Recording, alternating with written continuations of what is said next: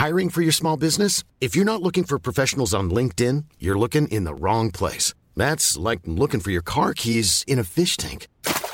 LinkedIn helps you hire professionals you can't find anywhere else, even those who aren't actively searching for a new job but might be open to the perfect role. In a given month, over 70% of LinkedIn users don't even visit other leading job sites. So start looking in the right place. With LinkedIn, you can hire professionals like a professional. Post your free job on linkedin.com slash people today. Many of us have those stubborn pounds that seem impossible to lose, no matter how good we eat or how hard we work out. My solution is PlushCare. PlushCare is a leading telehealth provider with doctors who are there for you day and night to partner with you in your weight loss journey. They can prescribe FDA-approved weight loss medications like Wagovi and Zepbound for those who qualify. Plus, they accept most insurance plans. To get started, visit plushcare.com slash weight loss. That's plushcare.com slash weight loss. Wow. Nice. Yeah. What you're hearing are the sounds of people everywhere putting on Bombas socks, underwear, and t-shirts made from absurdly soft materials that feel like plush clouds. Yeah, that plush. And the best part? For every item you purchase, Bombas donates another to someone facing homelessness. Bombas. Big comfort for everyone. Go to bombas.com slash ACAST and use code ACAST for 20% off your first purchase. That's bombas.com slash ACAST. Code ACAST.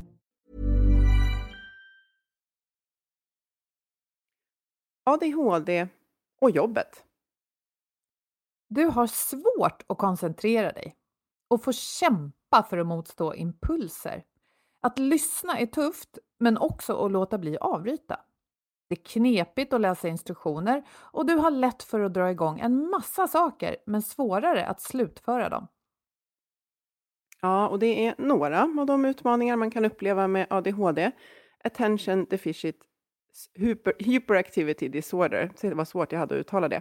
Och alla har sin unika upplevelse av utmaningarna, men många upplever också möjligheter.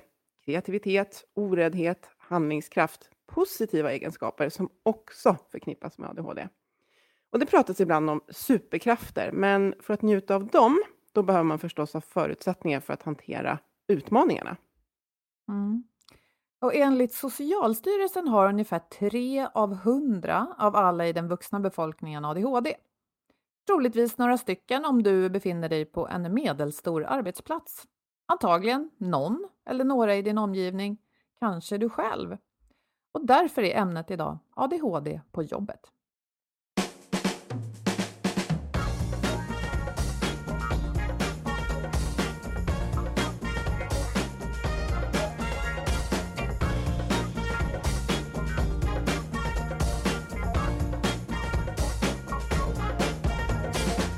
Och det här är Health for Wealth och i över sex år nu så har vi poddat om hälsa på jobbet eftersom människor som mår bra, ja, de kan prestera bra. Mm. Och för att må bra behöver vi goda samarbeten, rätt resurser, handlingsutrymme och så trygga ledare som har tid att leda. Och i podden då tar vi hjälp av gäster för att ta ett helhetsgrepp på hälsan på jobbet. Och vi är Ann-Sofie Forsmark. Jag är hälsostrateg, ledarskapskonsult och jag driver organisationen Oxigroup. Och Boel Stier, copywriter och kommunikationskonsult. Varje vecka delar vi inspiration, idéer och tips för ett bättre och mer hållbart arbetsliv. För dig som är chef naturligtvis, ledare av olika slag, jobbar med HR eller medarbetare. Mm. Jag upplever att det pratas mycket om ADHD och andra NPFer, neuropsykiatriska variationer, nedsättningar, vad man nu eh, lägger i det ordet. Eh, och vilka är, eh, ja det är ett samlingsnamn för många olika ja, tillstånd eller diagnoser. Och några är ADHD, autismspektratillstånd och Tourettes syndrom. Upplever du också, Boel, att det är ett större fokus på det här nu? Ja, det gör jag verkligen. Jag har eh, saker i radio, jag, det kommer böcker som av vår gäst idag. Eh, och jag upplever också att det, Eh, jag som inte kan det här ämnet, upplever att det förändras, att vi lär oss mycket och att det som var sant för tio år sedan kanske inte är det idag. Och just därför så, ja, så får jag många eh, frågor. Sådär. Det känns som att någon kom på ett gäng diagnoser för några årtionden sedan och att det sedan dess bara har accelererat. Allt fler får diagnoser, särskilt unga verkar det som. Och då kan jag tänka så här, hur gjorde vi förr och vad kallade vi det för då? Och samtidigt ökar väl medvetenheten om att det är inte så att vissa har diagnoser och andra är sådär helt normala, utan att vi alla befinner oss någonstans på en skala i ett antal olika spektrum. Mm. Precis, det är många bottnar och frågor i det här. Och vi, vi kände att vi ville prata om det här. Vi blev faktiskt uppmuntrade av våra lyssnare också. Det tycker vi jättemycket om när vi får förslag. Eh, och ADHD är den vanligaste neuropsykiatriska funktionsnedsättningen, variationen. Och eh, jag fick min diagnos i december 2021. Och det har betytt jättemycket för mig. Och det här avsnittet ska absolut inte handla om mig, men jag gillar att vara ärlig och jag vill vara helt transparent kring att jag har ADHD. Och det är många utmaningar som jag har haft hela livet eh, och fortsätter ha. Men jag förstår också mer och mer hur jag, ja, tills nu, ganska omedvetet, har dragits till både roller och situationer när mina styrkor eh, kommer till sin rätt. Och jag längtar jättemycket efter att den här boken som vi kommer prata lite om idag, ADHD och jobbet, ska komma ut. Och idag så har vi med oss en av författarna. Mm. Lotta Borg Skoglund är överläkare och forskare i psykiatri och forskar på psykisk ohälsa och missbruk bland unga. Hon har tidigare skrivit boken ADHD, från duktig flicka till utbränd kvinna. Varmt välkommen Lotta! Stort tack! Och vilken otroligt intresseväckande introduktion. Jag får massor av tankar direkt. Ja, vad härligt. Och jag vill tacka för den här eh, boken Från duktig flicka till utbränd kvinna. Jag har läst den och jag vet att den har betytt väldigt, väldigt mycket för många. Men jag är väldigt nyfiken kring hur kom det sig att du intresserade dig för och började jobba med ADHD? Men det kom faktiskt från min bakgrund i psykiatri och kanske framförallt då inom beroendemedicin. Jag eh, gjorde min specialisering inom psykiatri framförallt inom beroendemedicin och jag slutade min sista placering på Maria Ungdom och där träffar man då barn och ungdomar som av olika anledningar har fått problem med skadligt bruk eller beroende av alkohol eller olika substanser. Och jag kunde liksom inte låta bli att tänka på när jag träffade alla de här ungdomarna att det här är liksom inte riktigt rättvist. Det, det är inte en slump att vissa drabbas så mycket hårdare, så mycket tidigare och får så mycket större problem än andra. Eh, och det gjorde mig väldigt intresserad eh, av liksom de bakomliggande sårbarhetsfaktorerna för att utveckla skadebruk och, och beroende. Så då började jag forska och jag skrev min avhandling 2015 på Karolinska institutet om just samsjukligheten mellan ADHD och beroendetillstånd. Så där började egentligen eh, mitt så specifika intresse för ADHD och sen har jag fortsatt med forskning kring olika typer av egentligen negativa konsekvenser av att leva med ADHD. Mm. Vi beskrev mm. ju ADHD här i inledningen och du som har jobbat så mycket med det, hur vill du beskriva ADHD? Är det någonting vi missade eller någonting som du vill lyfta fram? Ja men alltså hur lång tid har vi på oss? jag tycker, jag tycker liksom, ju längre jag jobbar med de här olika neuropsykiatriska funktionsnedsättningarna, desto mer liksom, förstår jag hur nyanserat det är och att det är så mycket mer än de här diagnoskriterierna som vi använder oss av för att ställa den här diagnosen. För det enkla svaret är ju att men ADHD är ett livslångt mönster av hyperaktivitet, eh, impulsivitet och ouppmärksamhet. Det är liksom eh, det korta, enkla svaret. Men jag tror, att, jag tror nästan ingen med ADHD skulle liksom nöja sig med det, utan eh, man måste titta bakom de här liksom, kärnsymptomen och hitta liksom, den individuella, alltså varje persons eh, ADHD-uttryck. Och mm. jag tycker att, och det är också glädjande tycker jag, att forskningen är på väg åt det hållet, att titta mera på liksom problembeskrivningarna, på de underliggande mekanismerna. Varför är man eh, hyperaktiv, impulsiv och vad får det för konsekvenser i vardagen? Så jag skulle säga att eh, det finns massor av saker idag som vi förstår liksom mer och mer om idag som inte finns med och som inte ryms i de här tre kärnsymptomen. Till exempel en känslomässig instabilitet, att ha svårt att reglera sina känslor, att ha svårt att reglera sömn och aptit. Det står det nästan ingenting om i vår diagnosbok, men jättemånga både barn och vuxna berättar att det här är ju liksom det som skapar det största lidandet och det som skapar liksom de absolut flesta hindren i deras vardag. Så ADHD är, ehm, om man ska gå liksom på diagnosboken då, ehm, en livslång funktionsnedsättning där man har svårare än andra att utveckla vissa ehm, som förmågor. Eh, och där hjärnan eh, fungerar eh, annorlunda inom vissa förmågor. Och det är precis som ni sa i inledningen, inte någonting som man har eller inte har, de här förmågorna, utan vi är alla på en skala. Vi är ingen av oss som är eller inte är impulsiv, eller är eller inte är koncentrerad. Utan vi har liksom olika förmåga och, och de som vi letar efter, de som vi utreder och diagnostiserar, de befinner sig så långt ut på den här normalfördelningskurvan att det blir väldigt svårt att fungera i samhället så som det är organiserat idag.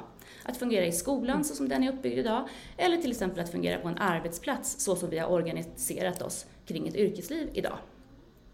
Och jag måste få stanna där Lotta i det här att det är, att det är livslångt. För att jag eh, tänker, jag jobbar mycket med, liksom, med hjärnan på jobbet och jag kan känna igen mina utmaningar med ADHD kan jag känna att i den tid vi är i nu så kan jag känna att det förstärks väldigt mycket. Men ADHD, alltså kriterierna är ju att man ska ha haft problemen, vad ska man säga, hela livet. Stämmer det? Att det är livslångt? Det är ingenting som uppstår i vuxen ålder?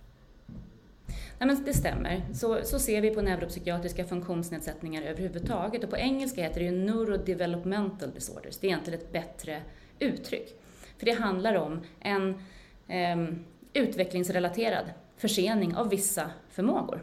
Mm. Och Eh, vi tänker oss att ADHD, precis som autism till exempel, är tillstånd som man eh, föds med eller åtminstone förvärvar väldigt tidigt i livet.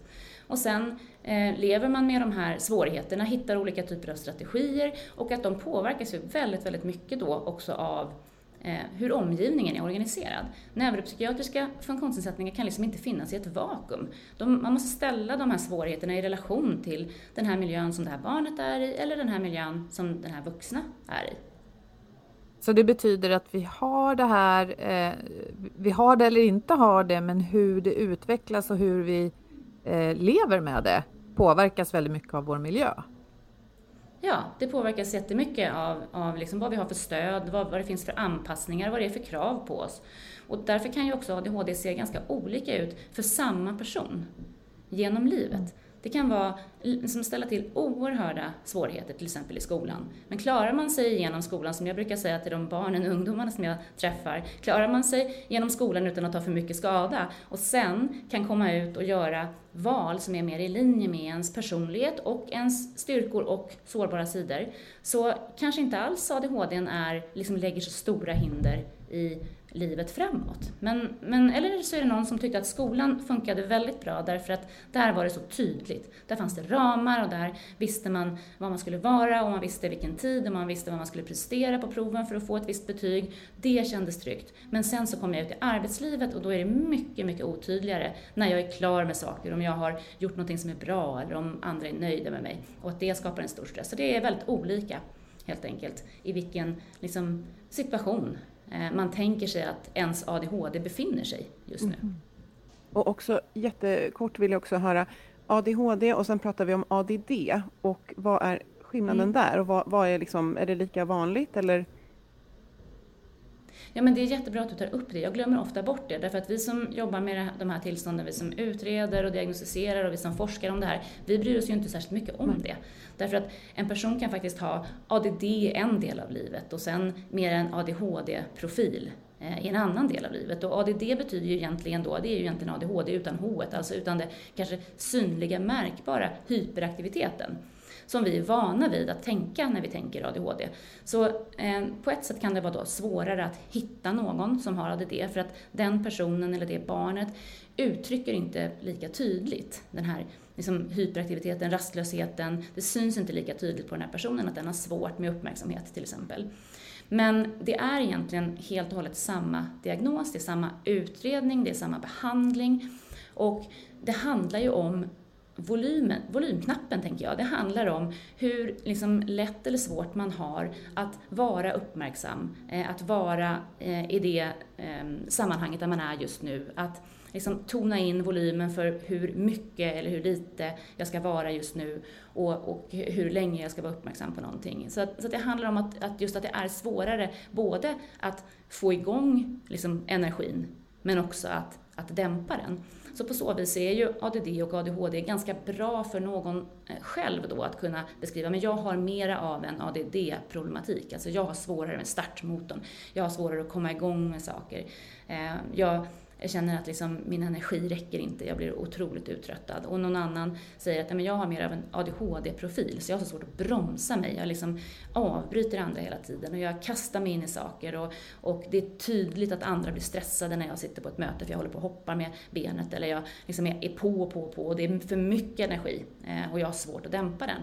Men, men den personen kan också känna sig egentligen helt och hållet energifattig, alltså totalt liksom utmattad, men omgivningen ser som ett Duracellkanin. Mm. Mm.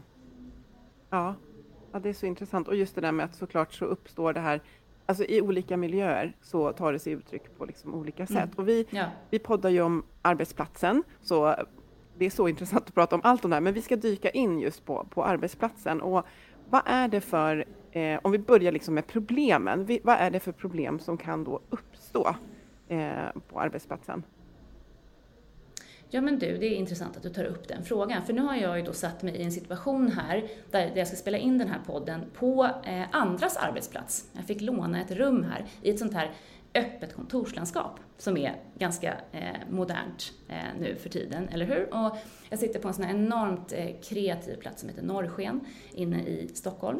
Eh, och här är det ju massor av spännande människor som eh, går runt och pratar med varandra och det, de, man sitter i på en plats eh, som kanske man använder idag men sen någon annan använder imorgon och sådär. Och det är ett, ett, eh, ett, ett myller verkligen av både intryck och sociala möten och sådär. Och, och det här eh, blir ju väldigt intressant tycker jag då ur ett ADHD-perspektiv.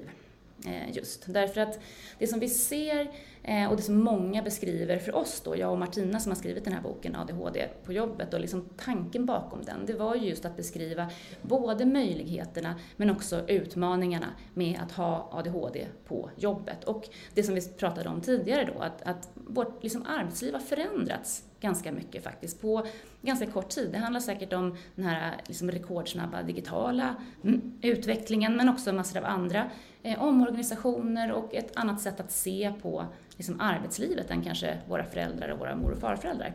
Mm, har man ADHD och Återigen då måste vi backa tillbaka till att vi måste liksom ta reda på vilken typ av ADHD har just den här personen och, och hur ser liksom just den här personens styrkor och sårbara sidor ut. Men typiskt kan man väl säga att man eh, precis som i skolan då när man har ADHD har kanske svårare att eh, fokusera på en sak i taget, att man har svårare att komma igång med saker som inte känns direkt motiverande, som är svåra eller lite liksom enformiga eller tråkiga. Sådär. Eh, det kan handla om att man har en, en impulsivitet som gör att man avbryter andra på möten eller att man har jättesvårt att lyssna på vad andra säger för att då zoomar man ut och missar stora delar av den informationen som man behöver för att kunna komma vidare med sina uppgifter. Eh, och, och, eh, det kan handla om att man blir, eh, i ett sånt här sammanhang som jag sitter i, ganska trött av alla olika intryck som kommer från omgivningen i kombination med att man också ska hantera alla intryck som kommer inifrån ens egen kropp. Alltså hur kroppen fungerar och alla känslor. Jag frågar en sak där, för det du beskriver nu att vi blir eh, trötta av mycket stimuli och, och, faktiskt störda och att det är svårt att fokusera. Det är ju också en beskrivning av väldigt generella problem mm. med arbetslivet just nu. Antingen vi sitter i ett öppet kontorslandskap som forskning har visat inte alls hjälper vår produktivitet överhuvudtaget. Eh, eller om vi sitter på en massa digitala möten och stirrar på en skärm för att vi jobbar hemifrån och även digitaliseringen som luckrar upp gränser mellan privatliv och jobb och sådär. Så att jag tänker ju också att vi skulle kunna lära oss mycket av det du säger här, sånt som alla egentligen behöver. Håller du med om det Lotta? Ja, men alltså jag blir ju jätteglad Boel att du tar upp det här, för det här är ju precis egentligen syftet med den här boken. Inte egentligen att bara skriva för de som har ADHD eller de som har en kollega som har ADHD eller de som arbetsleder någon som har ADHD, utan vi tänker just ju att att genom att förstå hur ADHD-hjärnan fungerar så kan vi eh, på ett mycket eh, bättre sätt förstå även hur alla andra fungerar. Om man liksom dyker ner i de här delarna som många med ADHD berättar att man har svårt med, så, så finns det otroligt mycket att lära för alla. Och som, som är liksom lite grann som diabeteskost, bra för alla. Mm. Så om vi tänker oss nummer ett då, många med ADHD beskriver att det är svårt att överblicka saker. Man känner liksom att det blir svårt att, att känna hur hänger alltihopa det här ihop egentligen? Eh, och de olika delarna, hur påverkar de varandra? Det känns som att det lätt blir rörigt, det blir rätt kaosigt och man har ett behov av att liksom få ner det här på ett papper eller att få att för, liksom förstå hur, hur saker och ting hänger ihop och i vilken ordning man ska göra olika saker. Eh, och sen har vi nästa del då som vi pratade lite om tidigare, att man har svårt att reglera man har svårt att reglera sin energi, man har svårt att reglera sin motivation, man har svårt att reglera eh, kanske sina känslor eh, och sin vakenhet till exempel. Och bakom det hemifrån då kanske man har haft svårt att reglera sin aptit, så man har ätit för lite eller för mycket. Och man har haft svårt kanske att reglera sin sömn, så man kommer till jobbet och är, är trött liksom, är urvakad. Sådär. Så, och det, det är någonting som, som är väldigt tydligt för personer med ADHD.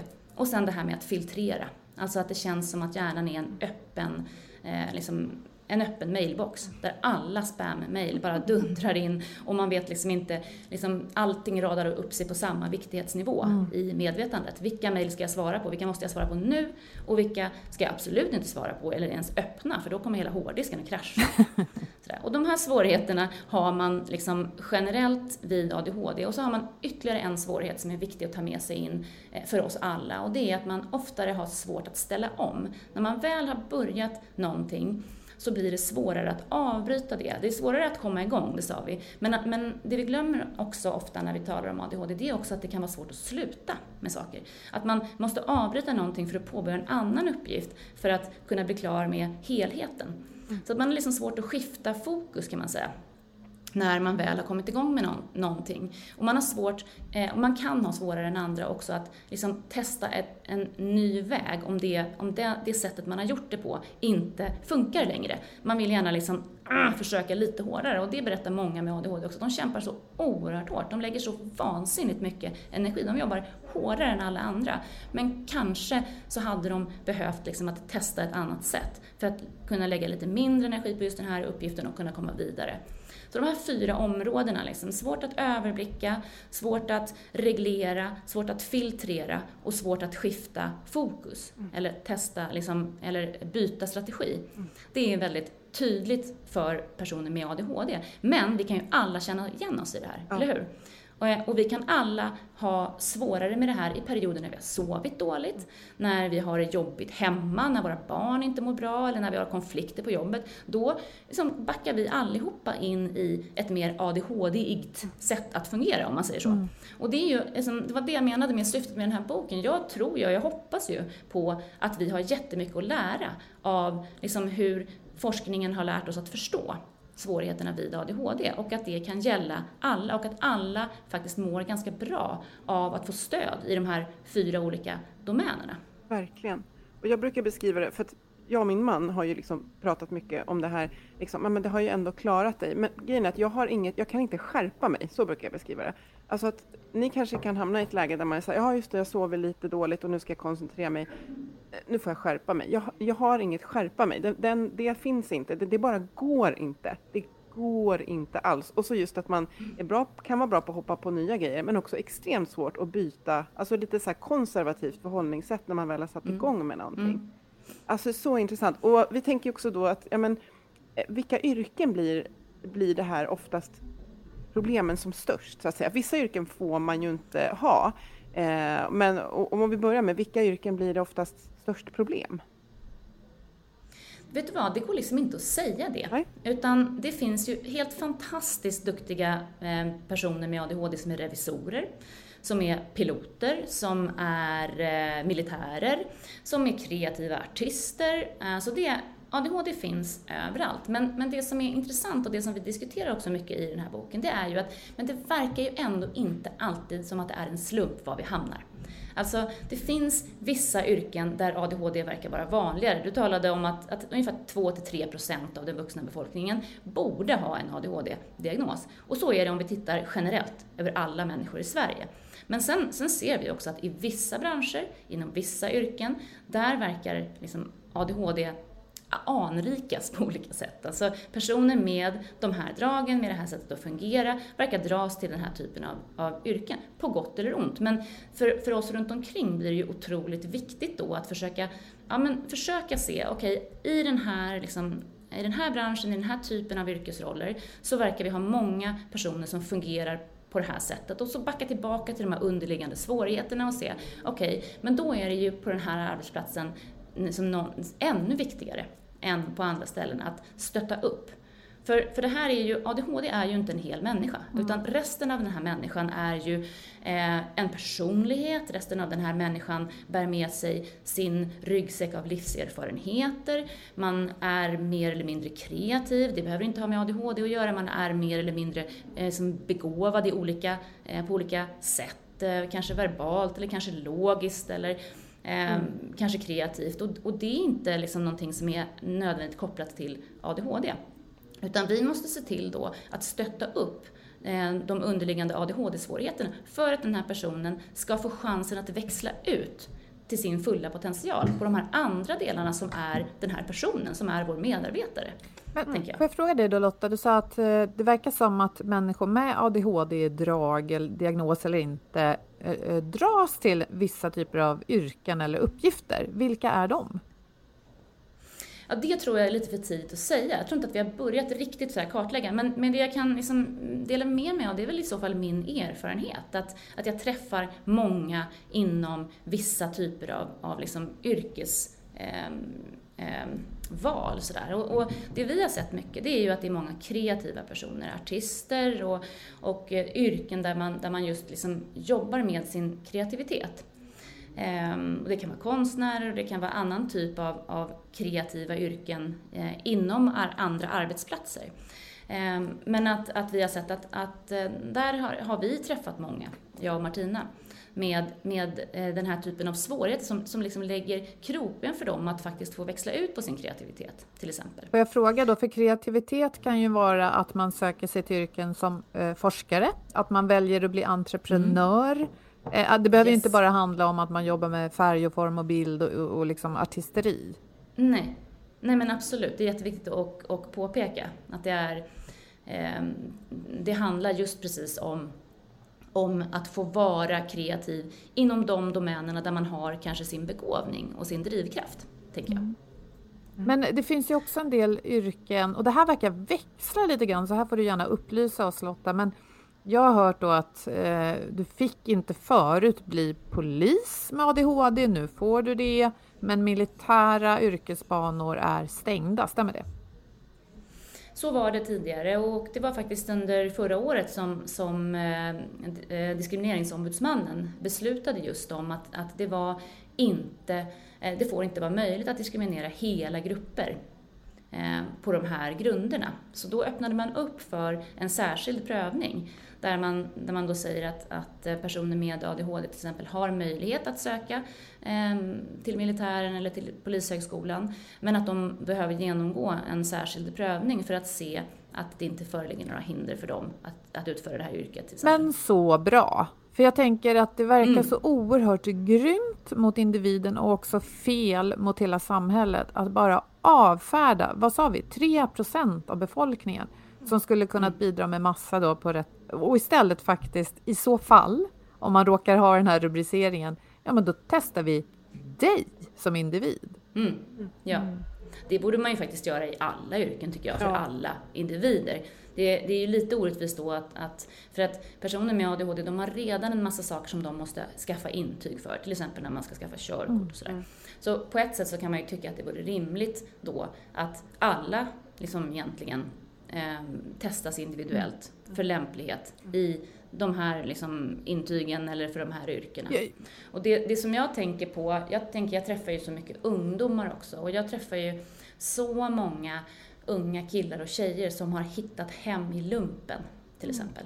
Ehm, att man har ADHD och man tycker att just det här, den första delen där, det är så svårt att överblicka saker, det är så svårt att, att förstå hur saker och ting hänger ihop och i vilken ordning jag ska göra saker. Och det är oerhört vilsamt att, att, att befinna sig i ett sammanhang där det är just den här supertydligheten. Det är liksom, det här gäller för alla. Det här är inte någon som vill mig illa för att den tycker att jag ska göra si eller så, utan det här är för att vi eh, ska liksom fylla den här, den här kåren och, och, och det här ämbetet eller den här uppgiften och vi gör det tillsammans och jag är en del i det pusslet. Och, och det har ju liksom, det har ju varit väldigt jobbigt tycker jag att, att liksom behöva sitta och se på att de här individerna har liksom regelmässigt blivit uteslutna från möjligheten att till exempel göra militärtjänst eller att söka till Polishögskolan. Just när man ser hur väl de passar just i det här formatet. Och men då är jag jättenyfiken på en sak, för att det här är ju ändå relativt nya grejer. Jag menar, när jag var barn så pratade man inte om de här diagnoserna. Och då tänker jag anledningen att man valde att utesluta och nu gör på ett annat sätt, alltså prövar individuellt. Är det för att man tänker sig att de här personerna skulle vara en risk på olika sätt? Eller är det för att man faktiskt kan bevisa till exempel att människor med ADHD är farligare i trafiken?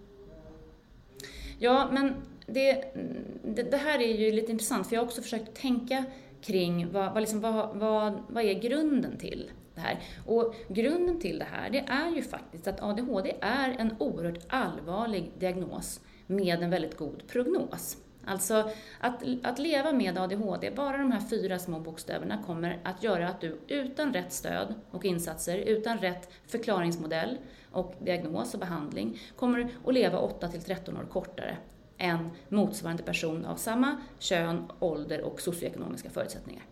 Det är ju liksom, det är enorma siffror. Det är ganska få tillstånd eller sjukdomar eh, som vi känner till som har en så liksom, allvarligt förkortad livslängd eh, med så många år av sämre livskvalitet. Och, och, där, där är ju forskningen extremt tydlig. Alltså utan rätt stöd och insatser så får man väldigt, väldigt svårt att få till de här basala rutinerna för hur man lever livet på ett hälsosamt sätt. Och vi vet att personer med ADHD utan rätt eh, stöd och behandling har en, till exempel en ökad risk att drabbas av skadebruk och beroende. Den kopplingen är väldigt, väldigt stark. Eh, det viktiga att säga där är att får man sin diagnos tidigt i livet, får man rätt stöd och insatser tidigt i livet, så har man inte den ökade, stora ökade risken. Men utan rätt eh, stöd så, så är den risken hög. Och jag kan tänka mig att, att det är just den här kopplingen mellan de här allvarliga negativa utfallen av ADHD som forskningen har visat oss föreligger Ehm, att eh, det finns en, en, ökad risk för till exempel kriminalitet. Det betyder ju inte att alla med ADHD kommer att bli kriminella. Men, men om man gör den här kopplingen eh, utan att förstå att ADHD är ett otroligt vitt begrepp. Det är eh, i grund och botten en individuell diagnos för, eh, som där utfallet, alltså hur det kommer gå för det här barnet eller för den här vuxna, är beroende av precis det som vi har pratat om tidigare. Det, det är beroende av att man får rätt förklaringsmodell, att man får rätt stöd och att man får rätt insatser. Då har ju vi möjlighet att känna in alla de här 8 till 13 åren. Det ser vi hela tiden. Vilken god livskvalitet man lever med med ADHD och hur framgångsrik man kan bli eh, i yrkeslivet till exempel med ADHD. Så man måste liksom hålla isär de här begreppen och förstå att ja, gör vi ingenting, då kan det gå riktigt illa. Men gör vi rätt saker, då kan det gå riktigt bra. Mm. mm. Och så kan vi andra tjäna på kuppen, som det där vi var inne på, att man får en tydligare, liksom en, en, tydlighet på arbetsplatsen på olika sätt och att man ser till att rigga arbetsplatsen för människor lite bättre kanske. Ja. Ja men exakt, och vi tjänar faktiskt tvåfalt, för vi tjänar ju på att liksom den här ADHD-anpassningen är bra för oss alla. Men vi tjänar också, det har kommit väldigt mycket forskning de senaste åren på hur mycket det kostar att ha personer som har ADHD utan rätt diagnos och insatser. Det kostar samhället enorma summor varje år. Eh, I kostnader för eh, trafikolyckor förstås, för sjukdom, för olika typer av liksom allvarliga utfall men också på, på grund av sjukskrivningar, att man liksom misslyckas eh, i sitt yrkesval och att man liksom får en, en liksom stukad självkänsla och att man liksom hela tiden kämpar i motvind. Så att, att få rätt förklaringsmodell, att förstå sig själv, det gör att man kan ta mycket större ansvar för liksom sin egen del i det här. Och, och, det tänker jag också är en sån viktig del att, att kommunicera, att, att det här är liksom inte, här checkar man inte in, får en utredning, får en diagnos och sen får man liksom ett wildcard att, att fortsätta att liksom vara ADHD-ig, utan det här kommer, den här diagnosen kommer med ett enormt ansvar som jag upplever att alla de jag träffar vill ta. Man vill ta en större del i sin behandling, man vill ta en större del i ansvaret för sin arbetssituation. Man har bara inte förstått hur det här hänger ihop. Och som du säger, eh, Ann det handlar om att man liksom känner att man, man vet exakt vad man borde göra, men man kan inte skärpa sig. Liksom. Och det, det att, att känna så, det skadar ens självkänsla. Alltså att känna att man inte kan lita på sig själv. Mm. Att man vet vad man borde göra, men man får inte gjort. Det är oerhört skadligt för självkänslan. Så med rätt förklaringsmodell, med rätt diagnos och med att ta ansvar för att man får rätt insatser så kan man börja bygga upp sin skadade självkänsla och fungera väldigt mycket bättre. Och det är ju inte bara för den här individen, för alla som lever runt omkring den här personen, utan också för kollegor och för samhället som stort. Mm. Verkligen. Och vi tänker lite, jag, jag, tror att den här boken den kommer hjälpa jättemycket, kommer säkert väcka mycket liksom, tankar och, och, och funderingar. Men eh, vad, vad är liksom det viktigaste, om man tänker, som vi har sagt nu så liksom, vad säger man på engelska, rising tide lifts all the boats. Alltså att eh, de här grejerna är ju bra, de lyfter alla båtarna, eh, men det lyfter några mm. lite mer än andra. Men, men vad kan vi liksom tänka kring, vilken typ av stöd behöver finnas på, vi tänker en, en en organisation, vi tänker en kontorsmiljö, där det händer väldigt mycket, mycket förändringar, projekt, snabba, snabba saker som händer. Eh, vad är liksom det viktigaste, om man säger strukturella stödet som, som du tycker ska finnas? Och jag önskar att jag kunde ge dig så här en liten låda Checklista. med en quick fix. Ja. Men jag måste hela tiden backa tillbaka ja. till det här med att det ser ju väldigt olika ut för olika personer. Så det viktigaste budskapet, det tänker jag är är egentligen att sätta sig ner och kartlägga hur fungerar just min ADHD? Och hur fungerar den just i den här arbetssituationen? Mm. Och vad finns det för saker som vi gemensamt kan ta ansvar för, för att liksom, eh, anpassa och stötta upp för de svårigheterna. För det kommer, det kommer tyvärr handla om att någon behöver mer styrning, någon annan behöver mer flexibilitet. Mm. Alltså det kommer handla om att någon, och vi har lärt oss jättemycket av, av eh, pandemin eh, och hemarbete, i både vad det har inneburit i liksom mycket negativa konsekvenser, men också faktiskt vad det har inneburit i positiva eh, termer för många med ADHD. Eh, men det beror ju helt och hållet då på vilken typ av ADHD, och så ska jag kanske tillägga då, man har just nu. Mm. För det här, eh, de här behoven förändras med, med att man, man, man liksom, eh, växer och mognar och, och med att livet förändras liksom, parallellt med det. Så att jag tror att om man är intresserad av de här frågorna i en arbetsgrupp, i, i liksom ledningsfunktion, då ska man ta sig lite tid och försöka sätta sig in i hur hjärnan funkar på de här fyra olika domänerna som är grunden för väldigt mycket av det man har svårt med med ADHD. Och så ska man sen göra sig nyfiken på, okej, okay, vad av det här stämmer för just dig? Mm. För då är det inte så himla stora anpassningar ofta som behövs. Det är liksom inte, vi behöver inte bygga om en hel arbetsplats, vi behöver inte bomba, asfaltera och göra om allt liksom, hur vi har tänkt framåt. Det kommer inte att bli ett paradigmskifte utan det kommer handla om ganska små, eh, att skruva på ganska små eh, skruvar. Och men kunna hämta ut ganska stora vinster, tänker men jag. Det du säger nu Lotta, det, du börjar med individen. Eh, mm. Du säger att den som har ADHD eller möjligen då misstänker att man har en eh, diagnos behöver själv ta ansvar för att kartlägga sig och fundera på var har jag mina utmaningar och sen eh, säga det till sin framförallt chef men kanske också kollegor, eller?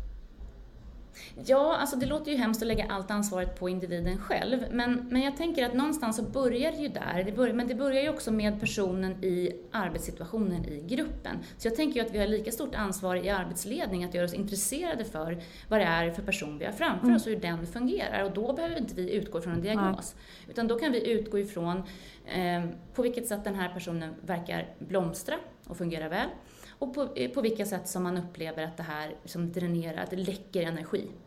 Det var och, det. och kan vi tala i de här termerna liksom, så, så, tror jag inte att vi behöver lägga ansvaret hos den ena eller den andra. För jag tror inte på den modellen. Och det var väldigt viktigt när vi skrev den här boken, för då, då intervjuade vi också chefer och arbetsledare just kring det här med hur pratar man om psykisk ohälsa? Vad har vi för ansvar? Och, och hur blir det när någon kommer och lägger sin ADHD-diagnos i knät på dig som chef?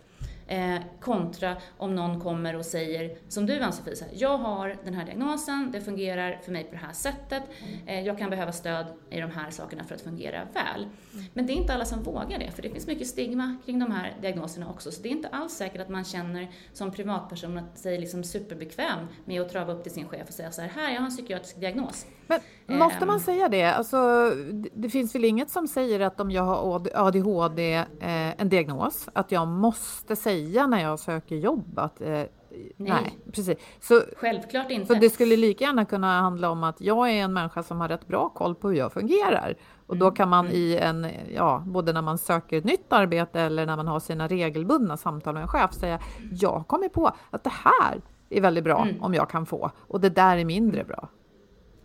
Mm. Men jag tror att det är det som är viktigt också, det här som vi talade om i början, att försöka liksom närma sig de här svårigheterna, kanske inte från diagnosen i sig, för den är så trubbig, den är så fyrkantig och det är en box som inte alla känner att de passar in i. Och faran med att använda sig av de här begreppen då, nu har vi ju valt att kalla boken ADHD på jobbet, sådär, men vi måste ju börja någonstans. Men faran med att, att liksom säga så här, har du eh, sån? Ja men på det här jobbet så kan vi ADHD.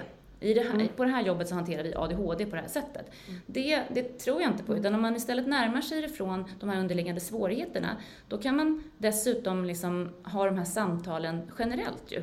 Ehm, för, att, för att det kommer att vara personer som inte har ADHD, men som har svårigheter inom de här domänerna också, mm, och som kommer tjäna jättemycket på att man liksom kan få stöd och, och testa sig fram på olika smarta sätt, hur man funkar bäst.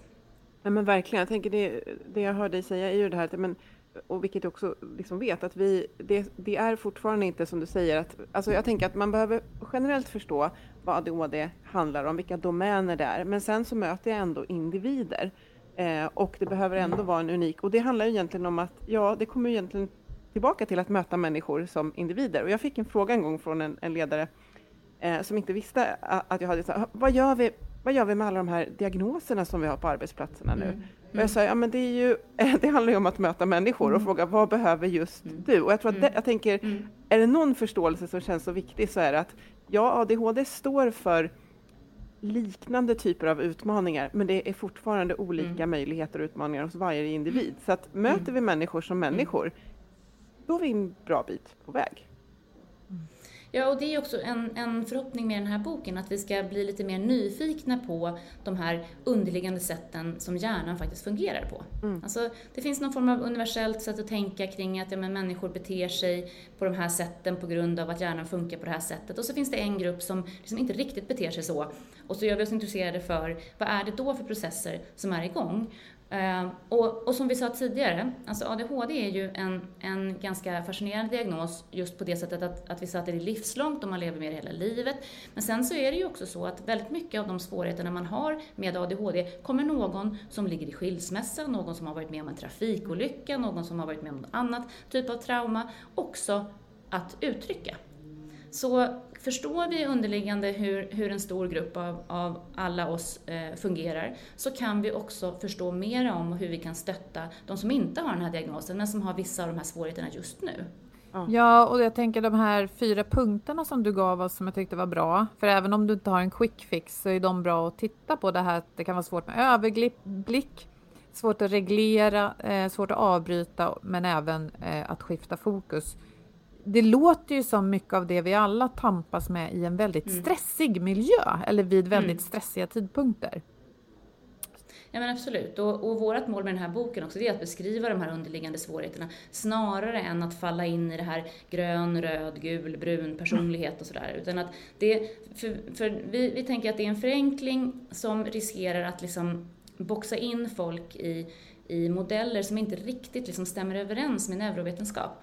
Det här är ju eh, egentligen utifrån eh, som, ja, hur, hur vi förstår att olika beteenden eh, framträder och, och, att vi har eh, som sagt mycket mer liksom, glädje av att förstå att, att vi kan vara mer eller mindre duktiga på det här just nu men, men när det är de här underliggande svårigheterna som brister för någon, då tar det sig ofta uttryck på det här sättet och då är det ofta den här typen av stöd man behöver oavsett om man har en diagnos eller inte. Mm. Mm.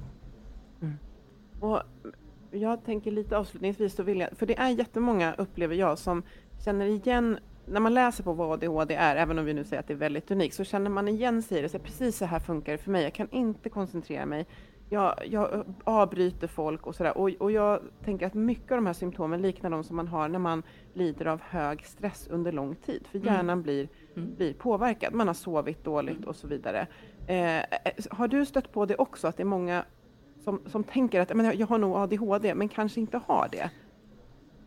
Ja men absolut, och det är därför jag tror att vi ska vara varsamma med den här diagnosen och vi ska inte heller Alltså jag hoppas ju någonstans i en framtid att vi inte behöver tilldöma den allt för stor betydelse, utan vi kan börja jobba med de svårigheterna som vi ser. För det är precis som du säger, när man under långvarig stress så kommer man att få kognitiva eh, en kognitiv påverkan på hjärnans sätt att fungera. Och det är ju just det ADHD är, nämligen en kognitiv påverkan eh, i olika delar av hjärnans sätt att fungera. Så Sen, sen, vet vi då att, att det heller inte alltid är en slump vilka som faktiskt hamnar i utmattningstillstånd eller hamnar i krisartade situationer. Det är oftare de som har en sårbarhet för det här eh, till att börja med. Och det finns jättefin forskning om eh, våra svenska kollegor Predrag Petrovic och hans forskargrupp som har lyckats liksom visa att vi kan liksom skapa ADHD mm. av personer som inte har det genom att liksom inte låta dem sova. Eh, och liksom eh, pressa, pressa, pressa, pressa hjärnan Ehm, i den formen av stress som det är att inte sova ordentligt, då får mm. man väldigt mycket mer ADHD-symptom. De som har ADHD, de drabbas ju oerhört mycket värre av den här eh, sömnbristen. Men även de som har mycket drag av ADHD men egentligen kanske inte har en diagnos kommer också trilla över och som, som så att säga liksom bli patienter mm. eh, under en tid. När, när, man har den här stora belastningen på hjärnan. Så att det här är inte svart eller vitt, det är inte boxar att, att lägga saker och ting i, utan det här är att försöka förstå den underliggande eh, funktionerna hos hjärnan och människors individuella sårbarhet. Mm. Vad intressant, det visste inte jag. Jätteintressant. Ja, mm. eh, vi, ja, alltså jag vill bara borra vidare, men vi, vi, vi ska släppa dig och vi tror att det här har väckt mycket tankar hos våra lyssnare som vi jättegärna vill eh, fånga upp och höra och hur ni tänker och kring det här. Och eh, eh jag vill slå ett slag för, för sömnen eh, som vi mm. alla behöver ta hand om. Och det mm. lät ju jätteskrämmande att det, man kan liksom nästan få känna på hur det här är om man inte, inte sover. Och vi ser fram emot när boken kommer, verkligen. Och ja, men jättekul, det kommer i, i augusti. Med, Lotta. Mm. Ja men tack. Tack snälla för att jag fick vara med. Det här är otroligt spännande och som sagt boken kommer i augusti och jag kommer jättegärna tillbaka och, och om det finns uppföljande tankar och frågor om det här, för det här är som ni märker det, det mest spännande jag vet att prata om. Mm. Och då lovar jag att jag inte ska sitta i ett sånt här modernt, öppet, kreativt kontorslandskap utan bjuda på lite bättre ljud tänker jag. Vi är så glada för att du var med. Och för mig då som inte sysslar med ADHD till vardags och antagligen inte har en sån, eh, jag har ingen sån diagnos, eh, men, men som vill att på jobbet så ska ju alla jag tänker att vi har pratat mycket om det negativa nu, men jag vet, för jag känner ju så många som både har de här diagnoserna och som antagligen skulle kunna ha det, eh, att vi vill ju att deras förmågor ska eh, ska kunna blomstra. Och så blir mm. jag så glad också att höra av dig Lotta att om vi, låter, om, om vi hjälper den som har ADHD så hjälper vi också alla andra med din fina liknelse där Ann-Sofie med båten, att om vi raise the tide så åker alla båtar med. Jättefint. Ja, jag eh, ska berätta att vi har ju som ni vet en samarbetspartner som heter motivation.se. De har massor med tankeväckande och intressanta artiklar som vi kan lära oss saker av. Idag, eller den här veckan, har vi valt en som heter Vem är normal? Den är skriven av Eva Braf. Ja, ingen och alla är normal tycker vi och så länkar vi till den här texten i inlägget i din poddapp eller på vår hemsida beroende på var du befinner dig. Det gör vi. Och med det så tackar vi Lotta för det här samtalet. Vi tackar våra samarbetspartners Motivation.se och förstås Agda Media för produktionen. Prata med oss, följ oss jättegärna på LinkedIn och kommentera och säg hej och så hoppas vi att ni lyssnar på oss om en vecka igen. Må så gott! Tack och hej! Hej då! Hej då!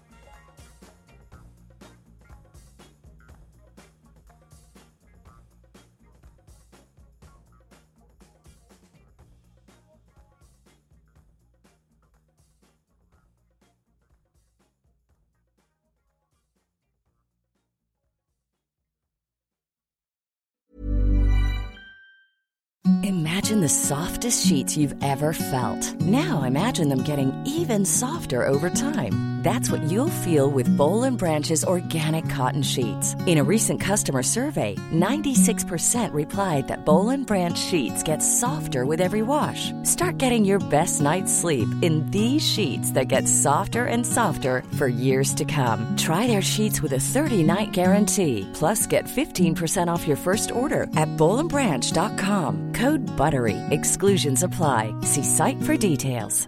Mom deserves the best, and there's no better place to shop for Mother's Day than Whole Foods Market. They're your destination for unbeatable savings, from premium gifts to show-stopping flowers and irresistible desserts. Start by saving 33% with Prime on all body care and candles. Then get a 15-stem bunch of tulips for just $9.99 each with Prime. Round out Mom's menu with festive rosé, irresistible berry chantilly cake, and more special treats. Come celebrate Mother's Day at Whole Foods Market. Hey, it's Paige DeSorbo from Giggly Squad. High quality fashion without the price tag. Say hello to Quince. I'm snagging high-end essentials like cozy cashmere sweaters, sleek leather jackets, fine jewelry, and so much more. With Quince being 50 to 80% less than similar brands. And they partner with factories that prioritize safe, ethical, and responsible manufacturing. I love that. Luxury quality within reach. Go to quince.com slash style to get free shipping and 365 day returns on your next order. Quince.com slash style.